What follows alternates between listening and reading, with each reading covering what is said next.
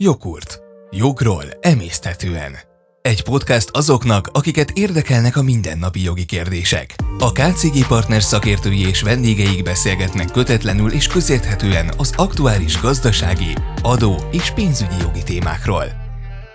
Üdvözlöm a hallgatókat, ez a KCG Partners podcastje, ahol két kollégámmal, dr. Királyvölgyi Krisztiánnal és dr. Zsoldos Bálintal a home office adójogi vonzatairól fogunk egy pár percben beszélgetni, én pedig dr. Gavati Dénes vagyok. Üdvözöljük a hallgatókat! Üdvözöljük a hallgatókat! Itt a COVID minden szörnyűsége meg életet átformáló következménye mellett azért voltak olyan pozitív hozadékai is, hogy azok a munkahelyek esetében, amiket korábban teljesen helyhez kötött munkahelyeknek tekintettünk, kiderült az a lehetőség, hogy különböző modern technológiai megoldások, internet, okos eszközök, felhő alapú megosztás, stb révén, hogy ezek a munkakörök hosszú távon otthonról is végezhetőek. Így például előállhat egy olyan helyzet, hogy egy magyar mérnök, aki korábban Németországban dolgozott gépészmérnökként, a Covid időszak alatt hazajött Magyarországra, és itthonról dolgozott az ő Németországban található munkáltatójának. És ugye ez felveti azt a kérdést, hogy ilyen esetekben, amikor egy adott munkavállaló uzamosabb időn keresztül egy harmadik ország vagy egy külföldi ország területéről dolgozik, akkor ott keletkezik-e vajon ennek a munkáltatónak telephelye?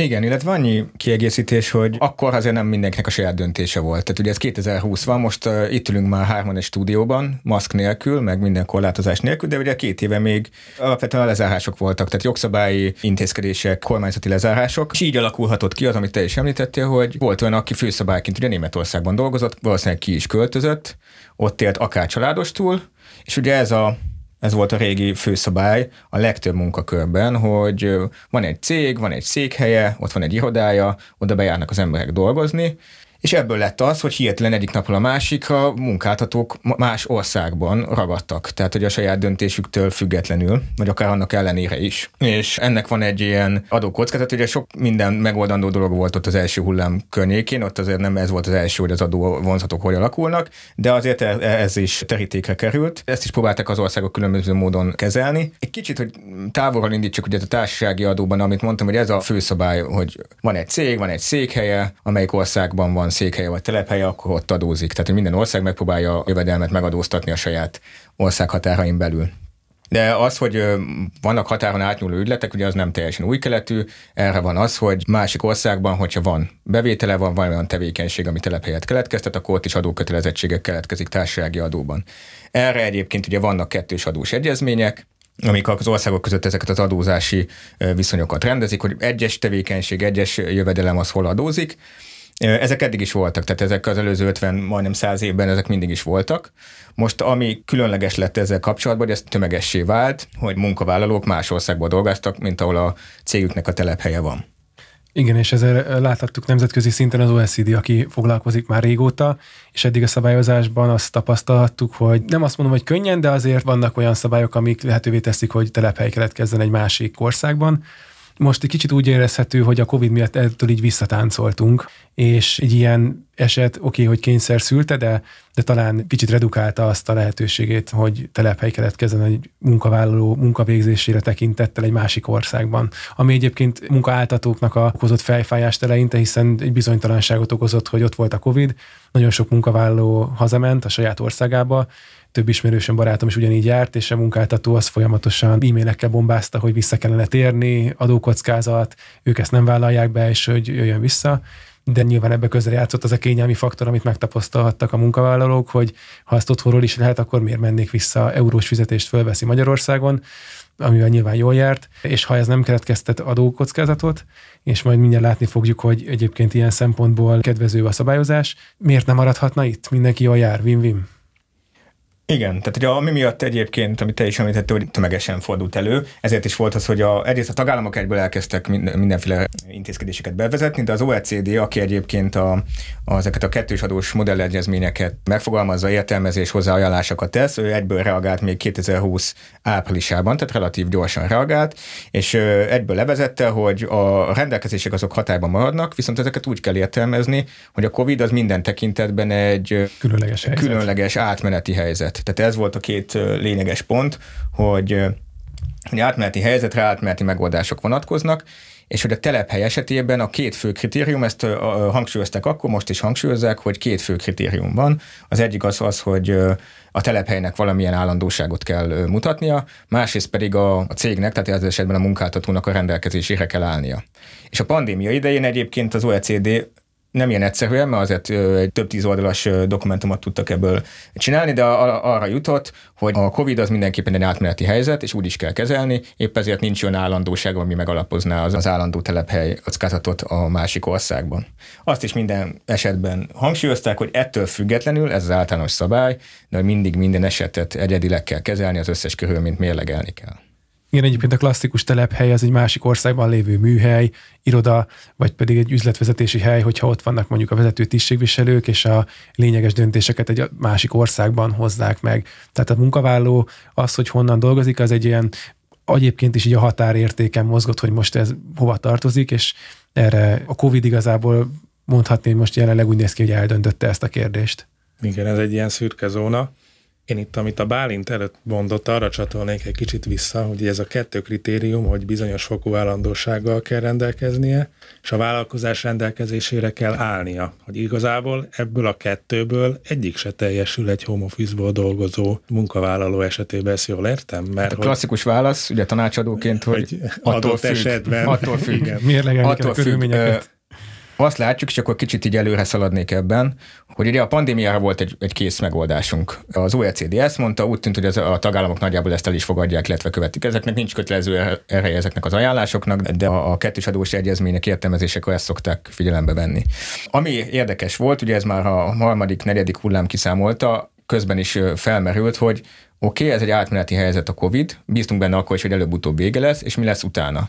Mert azt látszott, Krisztán, te is mondtál, hogy hogy ez egy átmeneti helyzet, viszont nem feltétlenül fog mindenki visszatérni az COVID előtti normálishoz, tehát ahhoz, hogy a telephelyen, székhelyen, irodában dolgozzon, hanem sokaknak egy ilyen win-win szituáció volt a home office, és ezzel kapcsolatban mi megkerestük az adóhatóságot, hogy előbb-utóbb vége lesz ennek a COVID-nak, és hogy értsük a szabályokat, hogy visszatérjünk az előtte lévő helyzethez, és azt nézzük, hogy ebben tényleges kockázat van, vagy akkor azt mondjuk, hogy elfogadjuk ezt az új normának, és nem keletkezik telephely ezekben az esetekben.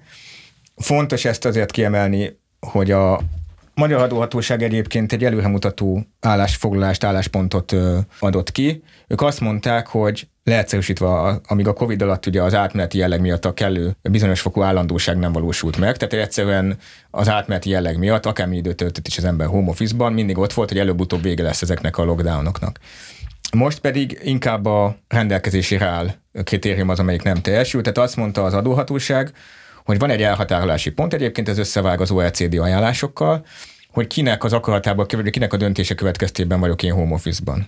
Hogyha a munkáltatóm azt mondja, hogy nincsen irodám, vagy egyszerűen nincs annyi helyem, és te home office-ba kell, hogy dolgoz, akkor adott esetben érvelhető az is, hogy az a munkáltatónak a döntése, rendelkezése, hogy a munkavállalója home office-ba dolgozik. Ilyen esetben egyébként továbbra is fönnáll a home office. Viszont amit mi látunk, hogy gyakrabban van, hogy van irodahelység, akár hogyha pool rendszerben is, de hogy van egy irodahelység a másik országban, mondjuk Németországban, várják vissza, de van egy megállapodás mondjuk a felek között, hogy vissza is jöhetsz, meg home office-ban is maradhatsz. És onnantól kezdve, hogy ez a munkavállalónak a döntése, onnantól kezdve azt mondja a magyar adóhatóság, hogy ebben az esetben ez nem telephely, ez nem a munkáltató rendelkezésére áll, ez, ezzel a munkavállaló rendelkezik. Magával a uh-huh. döntési helyzettel is, és a home office mint a, tehát magával az ingatlannal is, azzal a szobával.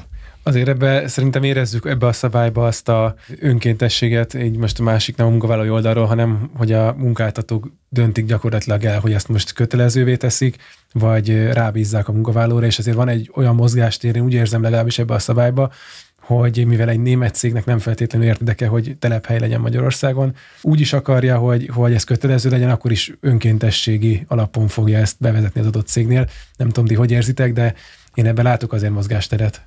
Igen, én inkább ebben a tehát nem perdöntő ez az állásfoglalás ilyen szempontból, inkább azt látom benne, hogy ez egy lehetőség arra, hogy a felek egy ilyen win-win megállapodást kössenek. Tehát ugye Igen. ettől függetlenül ez nem dönti el pro vagy kontra egyik irányba se, hanem Litva adja azt a lehetőséget, hogy a német cégnek anélkül, hogy jelentős administratív terhet jelentsen a magyar munkavállalói itthonról, megengedje, hogy itthonról dolgozik. Most, hogy a felek között ez papíron ja, vagy pontosan. szóban, hogy Igen. történik, az, az egy másik kérdés, de hogy a magyar adóhatóság részéről szerintem ez egy nagyon nyitott hozzáállás, hogy az ő részükről ők nem szólnak bele. Én szerintem amiről még itt egyébként érdemes beszélni és megemlíteni, hogy a jelentős administratív teher, amit mondtál, hogy mit okoz egy ilyen, hogy érezzék a munkavállalók is, egy ilyen esetben egyébként a telephely, hogyha megkeletkezik, tegyük fel Magyarországon, maradjunk ennél a példánál, akkor a német cégnek igazából alokálnia kell egy, a bevételének egy bizonyos százalékát, hogy az adott munkavállaló Magyarországról milyen értéket ért el.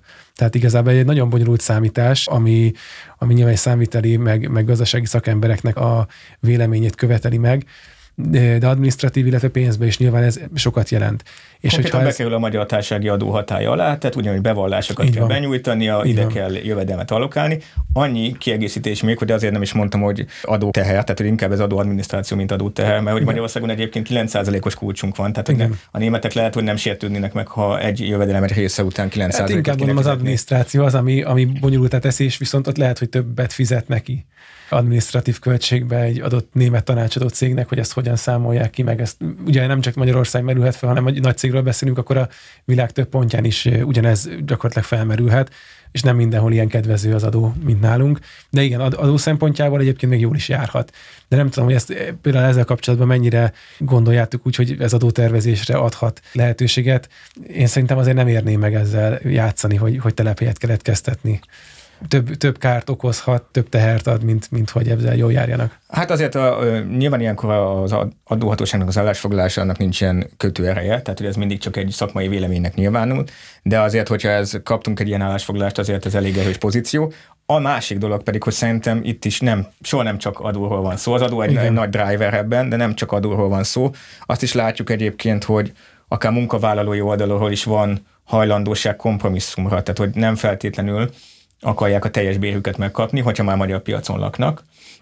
Úgyhogy van arra is kezdeményezés, hogy esetleg valamilyen bércsökkentésben vagy bérmegállapodásban benne legyenek, hogy ők a magyar piacon más bért kapjanak, mint mondjuk a német piacon. Ez mondjuk Tehát más kérdéseket is felvehet. Ez más, ez más kérdéseket is felvet. Ugye az USA-ban láttunk erre példát, ott inkább a munkáltató oldaláról indult el, hogy a nagy tech cégek egy azt mondták, hogy vannak az ingázók, meg a irodába járók, és egyszerűen más bért kalkulálnak. Nekik van egy algoritmusuk, van egy bértáblájuk, és attól függ, hogy hol élnek, ők nagyjából figyelembe veszik azt, hogy milyen költség csökkenése jár a home office, és annyival kevesebb fizetést is kapnak. Tehát ugye azért bele lehet egy ilyen üzleti döntésbe is vinni, ennek egy része az adó, és amit már mondtam az előbb is, hogy alapvetően ez egy ilyen lehetőség a, a beszélgetés a munkavállaló és munkáltató között.